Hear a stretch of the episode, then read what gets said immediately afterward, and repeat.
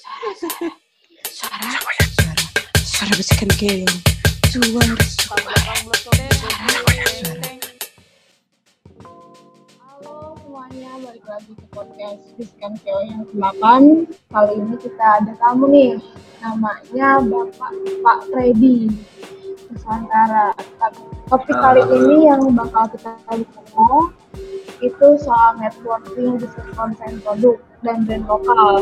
di Indonesia Nih boleh nih eh, tamunya dulu Pak Freddy mengenalkan diri Assalamualaikum warahmatullahi wabarakatuh. Selamat sore ya. Sore, Eh, sore. Perkenalkan, nama saya Freddy Kriswantra. Dulu sempat mengajar di Telkom University ya, dari tahun 2014 sampai 2016. Eh, aktivitasnya selama ini masih ya masih mengajar ada di kampus. Sejak 2018 membangun brand yang namanya Bana Nusantara. Oke, eh, tapi kita denger-denger nih Pak ya. Bapak nih banyak banget prestasinya. Dari, Mas Lompat Indah ya.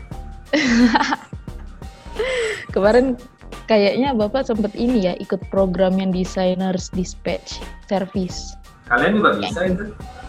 Kita mau nanya aja sih yang bikin Pak Freddy ini awalnya interest sama dunia desain produk itu apa sih? Kalau menggambar dulu itu pasti mobil, antusias di otomotif ya sebenarnya. Cuman pada saat itu lingkungan lingkungan sekolah terutama yang belum bisa menerima radikal ya, hitungannya radikal radikal ya. Kalau dulu mungkin kalian nggak tahu masih ngalamin atau enggak, kalau guru bilang gambar pemandangan itu pasti keluarnya gunung dua matahari sawah ya. Kalau kita gambar mobil tuh dibilangnya jelek. Eh, SMA seperti itu. Nah pada saat kuliah, aku dulu di Unpad sebenarnya. Ini jurusannya kalau nggak salah antropologi. Eh, antropologi itu cukup menarik ya karena mempelajari culture. Culture itu memang kita harus meneliti dari dekat tentang keberadaan budaya dalam apa terus asal usul budayanya kita bahas kecenderungannya seperti apa kenapa eh, sekarang kayak pertanyaan kayak kenapa gerobak mie ayam warnanya biru? Nggak ada yang ngajarin kan? Dasar banget gak ada yang ngajarin kayak kayak eh, bit- apa bakul jamu itu seperti itu. Mau mau di Aceh mau di Medan mau di Jawa sekali itu kayak gitulah gitu. Lele. betul. Nah, itu sebenarnya vernakular ya vernakular yang sebenarnya nggak ada yang ngajarin tapi itu hadir di masyarakat. Nah itu sebenarnya yang menarik gua untuk mendalami apa ya, antropologi. Cuman pada saat itu jalan-jalanlah ke Dago ya Lesir Anak Jatinangor ke Dago terus melihat sebuah poster yang isinya adalah eh, tryout seni rupa. Nah, tiba-tiba flashback lagi ada seni rupa ini tes cuman setelah dilihat-lihat flashback lagi eh, semua aktivitas gua itu ternyata mengarah ke produk. Akhirnya udah mencoba daftar di produk dan gagal ya. Meninggalkan Jatinangor dan kuliah di dulu itu di Stisi Stisi itu asal mulanya Telkom ya. Gua memutuskan cabut. Wah kayaknya cabut aja lah udahlah Jatinangor nggak ada Stisi nggak ada akhirnya ya udah tahun kedua akhirnya lulus justru lebih menutup sebenarnya.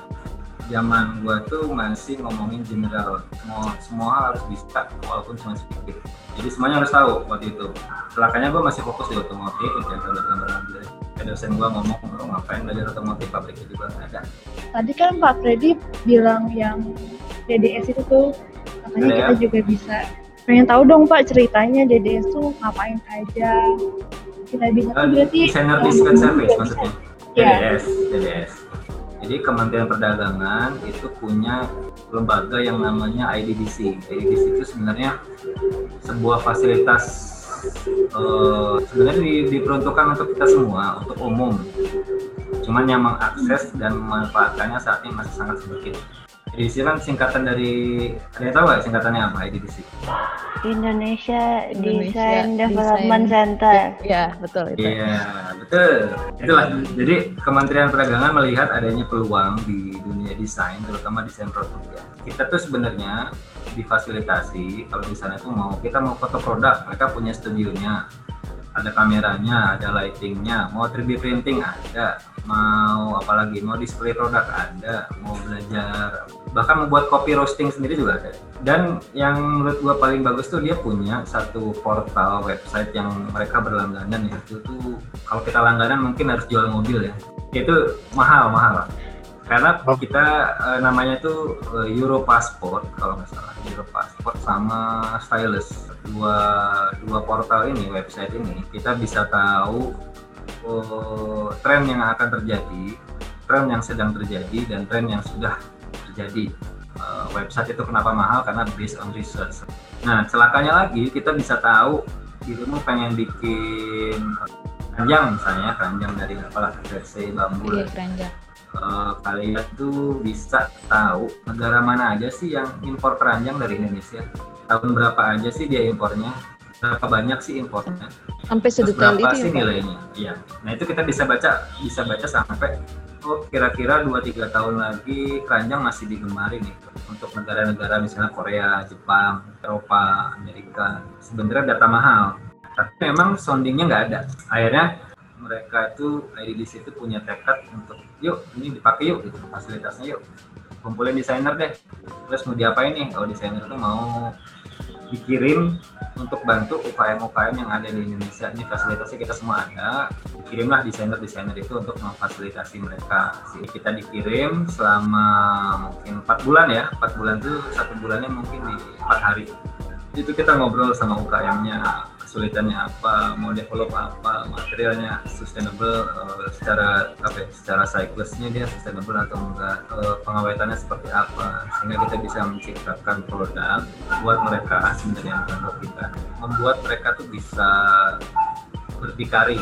Intinya kalau dalam hal karena Kementerian Perdagangan UKM ini ditargetkan bisa ekspor eh, secara bertahap. Nah, mata-mata desainer inilah yang sebenarnya yang eh, seharusnya bisa melihat peluang-peluang dibantu dengan stylus, dengan eh, Euro Passport tadi. Nah, itu DDS. DDS ini eh, desainer discrete service itu dia untuk keikutsertaan itu biasa dibuka di bulan Desember Oh akhir tahun berarti ya Pak? akhir tahun untuk eh, bergerak di April kalau nggak salah.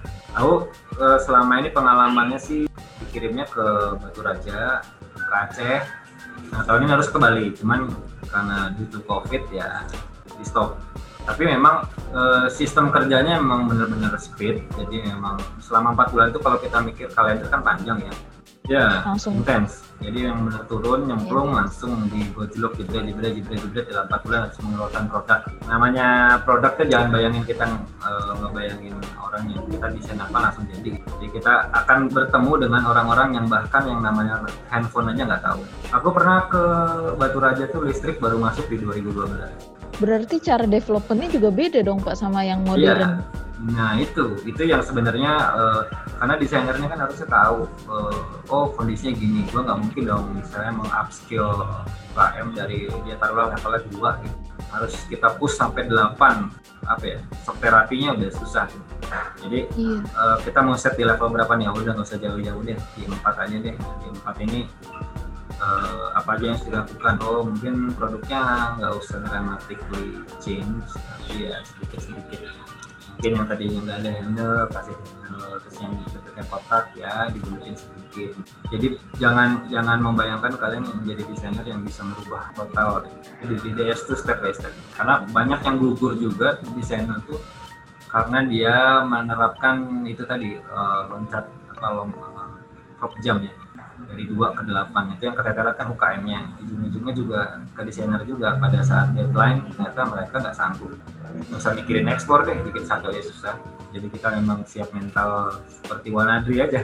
Berarti mindset-mindset yang ditanemin ke IKM-nya sendiri yang Bapak bimbing itu seperti gimana tuh? Kan? Kan beda tuh Pak. ya itu tadi. Pertama lihat assistingnya dulu. Assistingnya sampai gimana sih dia level berapa sih? Kalau kita targetnya ya kalau kalau gue sih kalau targetnya nggak jauh-jauh ya minimal dua level lah. Nextnya kalau dia udah berhasil untuk uh, ekspor ya bisa lah naik dua lah.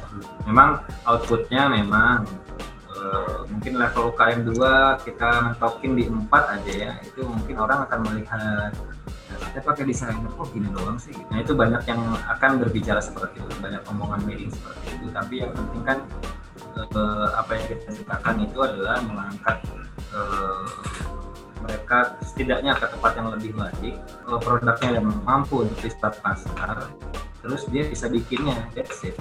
Namanya kita desainer kan harus adaptif ya.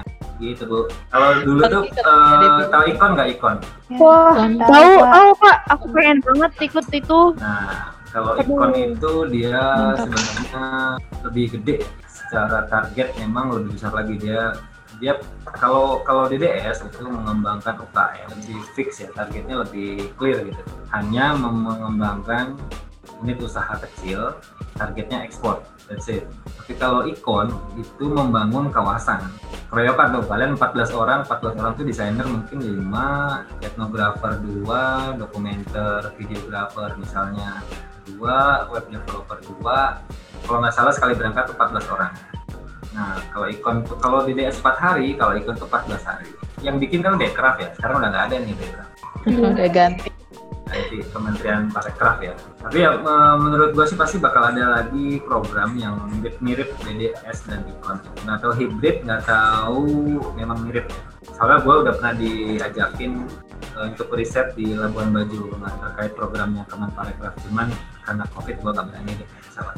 Nah ini adalah sebuah gerakan awal dari mereka nampaknya program-program ini seperti ini akan ada lagi di tahun depan. Seru Memang tuh kayaknya. Seru seru Itu banget. Sampai ke seru. Tambora, kalau Danau Toba sama Raja Ampat biasa lah ya. Ini yang kalian pokoknya sampai nggak nemu alfamart tuh. Teamworknya namanya orang baru kenal 14 hari dikumpulin kayak apa kan pasti berantemnya ribut Click manajemennya, anger manajemennya kalau kalian punya sebuah ide yang sudah sifatnya sudah jadi prototype itu kalian kalian eh, nyimak nggak aku 2018 ke Frankfurt Iya Pak, ke ambiente kan Pak. Nyimak, nyimak. nah Nyimak. itu tuh program dari Nyimak, Pak, mereka nyimak. yang namanya Ambiente Talent jadi mereka bikin satu program ngajakin desainer-desainer yang punya ide luar biasa terkait dengan produk.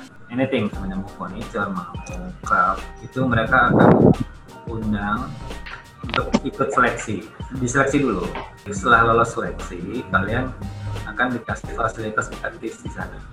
Itu deadline-nya kalau nggak salah kalau tahun kemarin ya 30 September bulan-bulan ini nih untuk berpameran di bulan Februari jadi kalian di di kurasi kirim foto konsep segala macam nanti mereka seleksi. Itu eh, kalau lolos kalian dikasih tahu nih kalian lolos nih. Nah nanti kasih surat kan? Surat eh, yang menyatakan bahwa kalian tuh sebagai salah satu desainer eh, talent desainer talent dari Ambiente ya. Bisa dipakai suratnya buat mengajukan sponsorship. Kayak aku dulu dapetnya Bank Mandiri sama Background cukup. Yang penting itu sebenarnya bukan keikutsertaan kita di talent itu tapi yang penting itu membuka wawasan kita pada saat kita mendapat exposure itu. Kan banyak orang lewat ribuan. Terus kita bisa keliling melihat keadaan-keadaan di situ terkait dengan desain. Jadi bisa baca kayak oh desain di Eropa itu seperti apa sih? Ya, kalau kita ngomongin Eropa ya apa mirip-mirip Amerika lah ya. Itu udah ngomongin global tuh style desain global. Jadi kalau kita punya satu pemikiran yang cocok dengan stylenya Eropa, oh kira-kira seperti ini. Jadi pada saat kita mendesain lagi di kemudian hari itu stylenya udah global, udah universal banget. Langsung beda aja gitu mak. Matanya langsung beda. Itu eh, penting buat buat wawasan ya. Kalau untuk talentnya mah ya formalitas lah ya, majang karya, terus kalian di situ kalau ada yang tanya jawabnya apa ya biasa, biasa. Efek sampingnya yang gede, kita bisa lihat macam-macam. Ternyata wah ternyata kursi yang begini deh oke, ternyata ternyata eh, tirai itu bisa diginiin ya, ternyata kertas itu bisa jadi apa ya, ternyata kaca itu bisa diginiin ya, gitu macam-macam. Kita ngobrol dengan orang-orang dari seluruh dunia. Nah talent ini kalau nggak salah ada mungkin di 40-an ya, 40 peserta itu ya mulai dari Eropa, Amerika, Australia, Afrika, Asia sendiri ada. Jadi eh, peluang kalau kalau misalnya, misalnya punya prototype masih tanggal 9 ya coba aja cek di ambiente.com slash talent kalau. Talent ambiente 2021 nah itu yang Sih. berharga penghargaan apa pengalaman pengalamannya Selain pengalaman dapat ah, ini juga kan Pak networknya juga tuh. Pasti, ya pasti, sama pasti. desainer-desainer. kalau kalian belum S2 itu langsung bisa kenal sama profesor misalnya dari Lancaster, dari Berlin, dari Prancis dia bisa mengkurasi ngajak ngobrol. Ini uh, enggak ini konsepnya apa nih enggak oh konsepnya gini gini pak uh, materialnya kenapa gini? Soalnya gini gini gini wah kalau kamu mau S2 enggak mau. Saya sponsorin mau enggak mungkin banget. Tinggal ngurus paspor aja. Banyak akademisi-akademisi termasuk profesor yang sebenarnya keliling-keliling ya di, di area talent gitu karena dia juga mencari kalau di sana tuh seorang profesor tuh diwajibkan setiap tahun itu mempromotorkan minimal dua orang. Kalau tidak gelar profesornya dicabut. Dia punya kewajiban tuh si profesor untuk uh, mempromotorkan satu atau dua orang mahasiswa baru didampingi uh, sampai mendapat gelar master. Kalau udah dapat gelar master uh, PhD gampang banget sih. Karena pasti nyambung ya gitu. Gitu master set, sampai master di mana di Berlin S3 di mana oh S3 jangan di Berlin Finland. Karena karena Eropa itu dataran jadi sangat mungkin kayak kayak teman gue punya partner in crime ya di sana. Karena waktu itu kan sendirian tuh dari Indonesia kan. Sendirian banyak terus, berarti pak temannya dari luar negeri nih. Banyak banyak emang kita ngobrol aja kan kalau nggak nggak habis beres display terus ngapain ngobrol kan iya si tempatnya masih tutup terus kita beres display terus kita uh, bantu bantuin lah yang masih display oh ini dari mana Indonesia gitu. uh, setelah berpameran di Ambiente itu langsung punya program selama tiga bulan dia keliling Eropa diajakin pameran di A, di B, di C, di E. Pokoknya tiga bulan dia jadwalnya full. Nah, itu privilege uh, orang Eropa tuh kayak gitu lah. Cuman kalau kita sekalian nyemplung di benua itu ya Allah lah jalannya ada lah harus pecah telur dulu di pameran kayak gitu berarti kan kita show off untuk produk kita kan sebenarnya dari Indonesia. Iya. Iya. Biasanya ngaruh nggak sih ke demand marketnya gitu pasar Eropa? Kayak setelah ada pameran tuh banyak orderan. Uh, kejadian di 2018. Nah ini yang sebenarnya awal-awal tuh bawa produknya dari itu uh, eh, DDS yang dari Sumatera Selatan ternyata begitu didaftarin di Ambiente lolos uh, karena di Ambiente itu kalau statistik ya dia itu 167 negara 144 ribu visitor yang 30 persennya itu adalah CEO berarti udah pemegang keputusan kan dia datang oh lihat ini oke okay, gue beli deh. Nah itu uh, kejadian waktu itu langsung dapat order dari 12 negara. Pertama show nggak mungkin kita dapat itu di Indonesia. Susah. Ke pameran itu ya memang mencari produk-produk yang bisa mereka beli. Kalau di Indonesia itu kan ya balik lagi ya buat mereka yang ngapain sih di Indonesia ada apa sih? Gue tahu ada banyak bambu gue tahu banyak rotan ya ngapain gue ke sana gitu uh, yang the best di Eropa itu gue bukan bukan ini ya bukan bukan mengagung-agungkan Eropa ya. Mereka tuh diajarkan caranya mengapresiasi sebuah karya. Jadi mereka tuh melihat apa ya produk yang gue bawa tuh kayak ini berapaan nih? 40 euro 40 euro satu besek besek. Cuman dari uh, pakis. Nah ini mereka pertama kali melihat material seperti itu dari pakis. Dan apresiasinya itu uh, kalau 40 euro kemurahan kalau 60 euro saya beli. Nah, ini kan agak antik nih hmm. melihat yang wow ini desainnya keren banget ya dari mana nih dari Indonesia? Oh ternyata ini bisa gini gini banyak lah yang nggak nggak akan bisa kita temui di sini. Kalau di sini ya apresiasinya masih sebatas panjang apa nih sepatu oh langsung banyak kayak gitu. Kan dari bagaimana dia tertarik terhadap sepatunya oke gue tertarik sih tapi kalau harganya mahal gue nggak mau. Kita sangat minim terhadap apresiasi. Jadi uh, mulai mulai abis zoom ini ya mulai ya banyakin apresiasi ya. Berarti kan kalau yang habis uh, pameran nih banyak network dari luar negeri juga. Sebenarnya sebesar apa sih dampak network untuk terutama untuk desainer produk. Terus Bapak Freddy juga sebagai pengajar, desainer yang uh, pemilik brand lah, punya brand juga Bana. Sebenarnya sebesar apa sih dampak networking untuk Pak Freddy sendiri? Besar banget Bu. Kayak berprofesi sebagai dosen tuh ya passion ya karena memang ah nggak nggak bayangin deh kalau cari duit di situ. Pengen share-nya aja pengen berbaginya aja.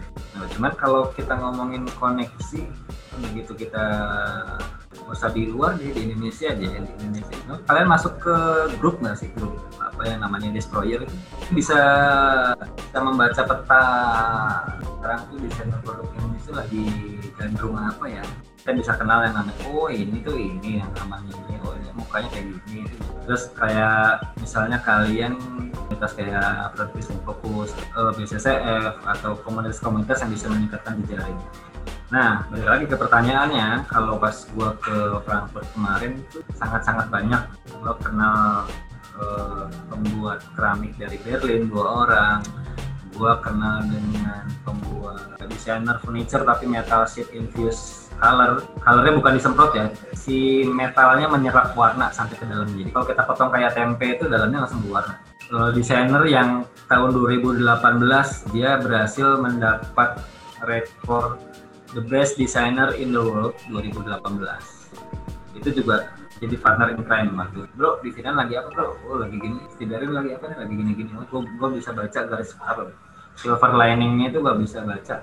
Oh ternyata di Eropa tuh lagi ngarah gayanya ke sini nih. Lagi ngarah gaya ke situ kita terapkan pada karya terus kita pameran lagi menyelaraskan dengan tren dan minat pasar pasti. Kalau gua kan dagang ya pasti ngomongnya pasar. Jadi begitu pameran yang kedua itu feedbacknya udah beda. Kira oke bentuknya Eropa tapi materialnya Indonesia nih tapi itu eh, gambaran singkat bagaimana setelah kita keluar dari tempurung ini melihat dunia lebih luas lagi. Bukan hanya wawasan tapi cara pandang kita yang unseen. gitu. Kita bisa melihat yang orang lain nggak bisa lihat. Dan ternyata apa ya yang yang menarik itu desainer Indonesia itu kalau di luar edan orang tuh akan menghargai kalian ternyata kalian tuh Indonesia tuh gila ya taste-nya tuh luar biasa. Kita ngomongin craft itu mereka akan wah gila nih pakai tangan buatnya ini. Ini lo bentuk ini dapat dari mana ilhamnya? Di Eropa itu dia karena negara maju ya berbasis pada digital kan pada digital. Terus kalau bikin eh, misal bikin kursi ya udah pakai CNC gitu. Dan gak ada serunya walaupun memang eh, karyanya presisi lebih masinal dan mungkin bisa diproduksi massal gitu. Cuman orang Indonesia tuh kasih softwarenya aja sebulan jadi lah. Nah ini yang mereka takjub sebenarnya. Jadi selama ini kan kita selalu minder kalau dibandingin dengan sok lu kolaborasi dia sama desainer dari Berlin gitu minder langsung. Padahal aslinya mereka yang minder gitu. Ini ini yang kejadian lah. Oke, dari tadi kan ada networking itu Pak. Aktif banget kayaknya di ADPII sama yang produk desain fokus itu Pak, PDF. Terus menurut Pak Freddy tuh uh, apa step-step yang dilakuin pas buat ngebangun network dari masa-masa kuliah sampai after graduate atau fresh graduate-nya itu kayak gimana Pak? Biar jadi desainer gaul Pak, gimana gitu? Nah, aku juga nggak gaul. Tipsnya ke aja sih. Gua dulu bikin PDF tuh waktu itu, waktu itu, waktu 2000 berapa? 2004 ya. Ada pertanyaan, desain produk ngapain? Ya lu bayangin aja lu dari tidur sampai bangun mau tidur lagi, mana yang nggak didesain? Ya lu bangun tidur lihat apa? Lihat jam gua lah. Ya, jam lu siapa yang bikin? Pabrik. Pabrik dari mana? Eh, tahu bentuk kayak gitu. Nah itu desainer produk. Kalau mau ke WC, apa dulu yang lo pegang? Sikat gigi? Salah. Handle pintunya. Lu bisa buka gitu bentuknya kayak gitu, siapa yang desain? Akhirnya eh, waktu itu gua bertekad membuat sebuah media yang sebenarnya sifatnya bisa diakses oleh semua orang dengan background apa pun yang ngomongin tentang desain produk. Eh, satu dua tiga. Mulai animonya kelihatan. Intinya adalah membangun jejaring itu pasti. Karena tugas eh, visi misinya dari komunitas PDF itu adalah berbagi, berkolaborasi, berdiskusi. Tiga kata kunci itu yang yang kita pegang terus. Tapi ya itulah atas, dasar kegundahan itu aja berbagi berbagi cerita tentang desain produk aja itu terus kita dikenal sebagai penggagas akhirnya diajakin untuk mendirikan ADPI terus dari situ kita kenal sama orang-orang. Kalau dulu nggak bikin PDF mungkin gua nggak akan aktif di ADPI Plong aja nyemplung. Nyemplung dulu aja. belum aja gas aja. Buat sesuatu yang sebenarnya membuat apa ya gebrakan-gebrakan yang sebenarnya bisa membuat mata-mata ini menoleh. Kita fair-fairan aja yang ngomong ya. Telkom termasuk dalam eh, kampus yang jarang main. Nah ini eh, apa eh, sebenarnya sangat sayang mengingat kalian tuh sebenarnya kan komunitas besar ya. Yang pertama sih kalian jauh memang tempatnya ya. Tapi nggak nutup kemungkinan loh buat kalian tuh untuk misalnya ngobrol main-main aja ke tenas ke ITB hilangkan hilangkan dikotomi alma maternya. Ka- kalian main sebagai anak desain produk. Peduli dari mana gitu. Oh lu anak telkom? Ah bodo amat ITB emang kenapa lu kita hilangkan eh, alma maternya buka jaketnya kita maju sebagai anak desainer produk. Kalau udah bisa kayak gitu, kita mau main ke mana juga udah enak. Main kayak tenas tuh udah kayak anak tenas. Bro lagi bikin apa ini? Aduh, tugas gua bingung nih, tugas DP3. DP3 lo apa ini? Oh, eh, brainstorming dong, gini-gini. Oh, boleh, boleh. Kita prototipe ini di sini aja nih rame anak-anak kan. Jadi menambah link ya menambah wawasan ya menambah skill ya. Terus bisa tahu anak tenas tuh sampai mana sih ininya pemahamannya? Anak ITB sampai mana sih? Anak Telkom ya kan kalian anak Telkom tahu ya. Begitu juga buat hmm. anak tenas ke Telkom bisa apa sih? Ke ITB bisa apa sih? Dan itu kan maksudnya bukan merendahkan tapi lebih pada acuan banyak main nanti habis covid main di Jakarta ke mana? Kayak ke IDDC deh cobain. Misalnya cobain kalian misalnya berlima nih uh, di DDC itu ada ada mes ya ada mes yang semalamnya lima puluh ribu aja. Asli lima puluh ribu. Ya mungkin enam puluh ribu ya naiknya. Itu di dalam lingkungan IDDC jadi kalian bisa datang check in terus ke dalam IDDC itu di dalam IDDC itu kan banyak buku banyak uh, tadi stylus terus sama Euro paspor, terus banyak ada mesin buat 3D printing, ada buat fotografi. Ngabisin dua hari di situ, itu udah cukup pengenalan awal. Jadi kalian bisa, oh buku ini ada di sini, uh, website ini ada di sini, mesin kayak gini ada di sini. Nah itu deh sangat-sangat sedikit yang memakai. Negara tuh udah nyiapin sebenarnya. Jadi manfaatin. Cobain deh dua hari di situ, baca-baca, diskusi. Kalau orang lagi rame-rame, ini rame-rame apa sih? Boleh tahu apa? Siapa tahu. Gitu, geng. Terus uh, Pak, kalau dari tadi nih ceritanya, yang dari uh, networknya harus bagus, skillnya harus bagus. Karena network juga kita rasanya bisa improve kan, rasa-rasa desainnya, pengetahuan desain, uh, terus skill set juga mungkin bisa improve juga. Terus kalau sebagai desain produk nih, menurut Bapak apa sih yang terpenting gitu selain itu?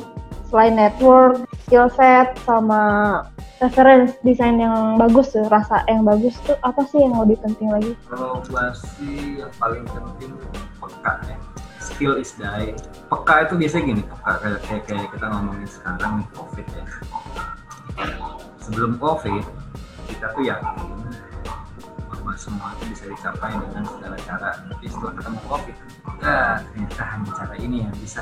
Secara culture, secara budaya, secara gaya hidup, si covid ini memaksa kita untuk berganti haluan ya switch kalau kita melihat fenomena ya misalnya kalian baca berita baca beritanya jangan kompas gitu doang tapi coba uh, Bloomberg coba baca New York Times. Kita bisa baca ternyata secara sosial budaya manusia sekarang itu sudah mulai sangat-sangat berkelompok.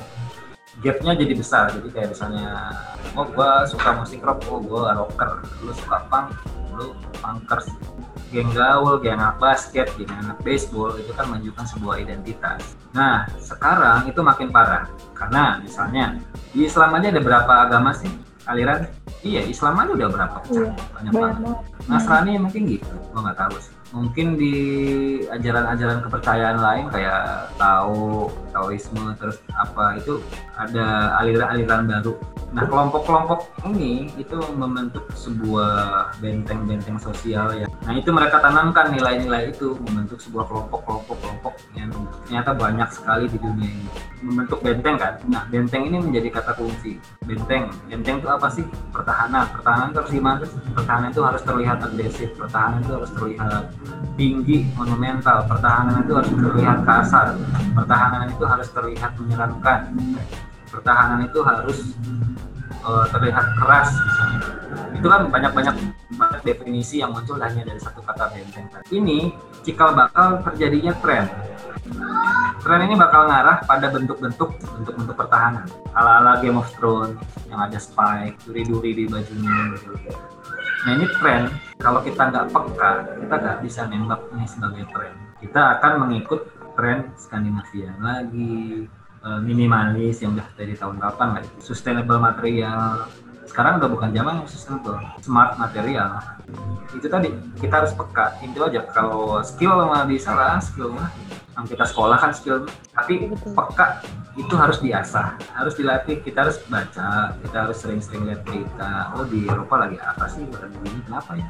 Politiknya lagi gimana sih? Oh, lagi gini. Perang di Irak masih masih atau udahan ya? Kayak muncul siapa sih rapper Indonesia itu yang di Amerika? Rich Brian. Rich Brian ini kan sebuah bentuk fenomena baru yang sebenarnya kalau di Eropa itu sudah ada di zaman zamannya Kobe zaman zamannya Missy Elliott kenapa kalian pikir kenapa orang Arab kalau punya mobil harus dilapis emas. Kenapa orang Arab kalau bikin gedung harus yang paling tinggi? Kenapa kalau orang negro pakai kalungnya itu bukan kalung rantai yang dipakai emas? Itu sebuah identitas muncul di kalangan-kalangan mereka yang tadinya coba kita lihat negro, kita nggak bukan rasis ya. Dulunya apa sih? Budak kan? Yang setelah sekian lama mereka bekerja keras akhirnya berhasil. Cara menunjukkan keberhasilannya apa sih? Show off kan? Pakai kalung emas gede rantai. Gua bukan kalung ini rantai emasnya loh. Berapa karat terserah deh. Beberapa kilo pertanyaannya. Itu kan menunjukkan bahwa gua dengan cara berpakaian gua, dengan mobil gua kayak gini, dengan rumah gua kayak gini, itu nunjukin kesuksesan. Nih, nih negro itu udah bukan negro lagi. Negro itu part of culture. Negro itu sekarang sudah mulai naik dan setara dengan yang lain. Sama kayak di Arab. Arab itu kalau kita lihat sejarahnya, Abu Dhabi sama Dubai itu dulu apa sih? Gurun pasir doang. Setelah ditemukan minyak baru meledak. Mereka yang tadi menunjukkan bahwa yang tadinya bukan apa-apa, sekarang dunia berkacanya pada Dubai. Mau hal yang paling canggih di Dubai, mobil yang paling baru Dubai. Itu yang mereka coba angkat karena mereka tuh dulunya bukan siapa-siapa. Ini kan bentuk kepekaan lagi nih kalau kita peka. Uh, ternyata ada mixture nih, ada mixture culture yang sebenarnya orang Indonesia, orang jelas-jelas sih Rich Brian orang Indonesia. Tapi dia pengen jadi looks like rapper dengan gaya ngomongnya kayak gitu dengan bahasa Inggris yang fluent dan kita sampai nggak nyangka bahwa dia ternyata orang Indonesia.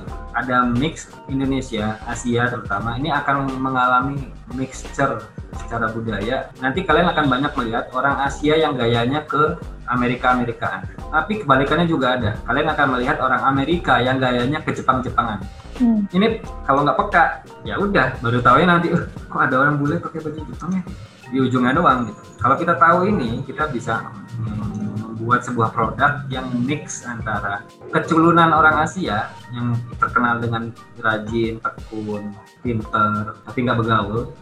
Kalau gaya-gaya ini digabung dengan gaya Amerika yang exposure, yang dia berani ngomong, yang dia berani me- mengagungkan nilai individu, sementara kita ke komunal, kalau dijadiin produk jadinya apa ya? Kayak apa sih produknya? Ini akan terjadi tabrakan budaya kan? Sebuah budaya yang tadi nggak ada, kita jadiin ada. Kalau nggak peka, nggak akan muncul tuh. Jadi yang yang Iya. perlu di kita tidak lagi bisa melihat masalah terlalu dekat. Kita nggak bisa melihat masalah dari satu titik fokus. Kayak kita kayak kita ya sorry ya gitu. Kalau kita ngomong ngeceng, ngeceng cowok ya, kita terlalu, terlalu fokus sama si A. Padahal si C itu dari dulu udah ngarepin kita gitu. Ini apa yang coba diajarkan lewat ilmu-ilmu seperti design thinking, service design, terus user experience, apa UI, itu mencoba mengajarkan kita para desainer atau orang-orang kreatif ini berpikir dari eh, sisi makro. Jadi kita melihat masalah itu dari dari yang lebih luas lagi. Yang bikin jalan macet itu apa sih? Kalau kita terlalu skeptis, terlalu fokus sama masalah, kita akan langsung judgement oh angkot. Nggak benar tuh angkot. Padahal mungkin masalahnya ada di kita. Kita yang top di sembarang tempat, kita yang minta turun sembarang tempat, sehingga jadi macet. Jadi kita harus belajar melihat masalahnya dengan kacamata yang lebih besar di luar masalahnya bukan kita nyemplung kayak di kolam melihat masalahnya tapi kita keluar masalahnya apa sih itu membuat kita akan berpikir lebih luas lebih dan lebih tepat sasaran pastinya ya ya itu sih coba aja tidak ada kata-kata mutiara selain ya gas aja Jadi intinya tuh kayak lebih kayak ta- tadi yang tadi Pak Freddy bilang kok skill set tuh bakal mati, referensi itu untuk desainer itu perlu, networking juga sangat perlu. Terus tapi yang lebih penting lagi itu kan peka ya Pak. Peka yang memang satu. harus kita latih. Oh nomor satu nomor satu tuh peka. Nomor satu peka yang memang harus dilatih, nggak ada yang bisa ngajarin, tapi kita memang harus belajar merasakan dan berpikir lebih lagi ya. Hani sama Jeffrey mungkin mau ada ngobrol sama Pak Freddy.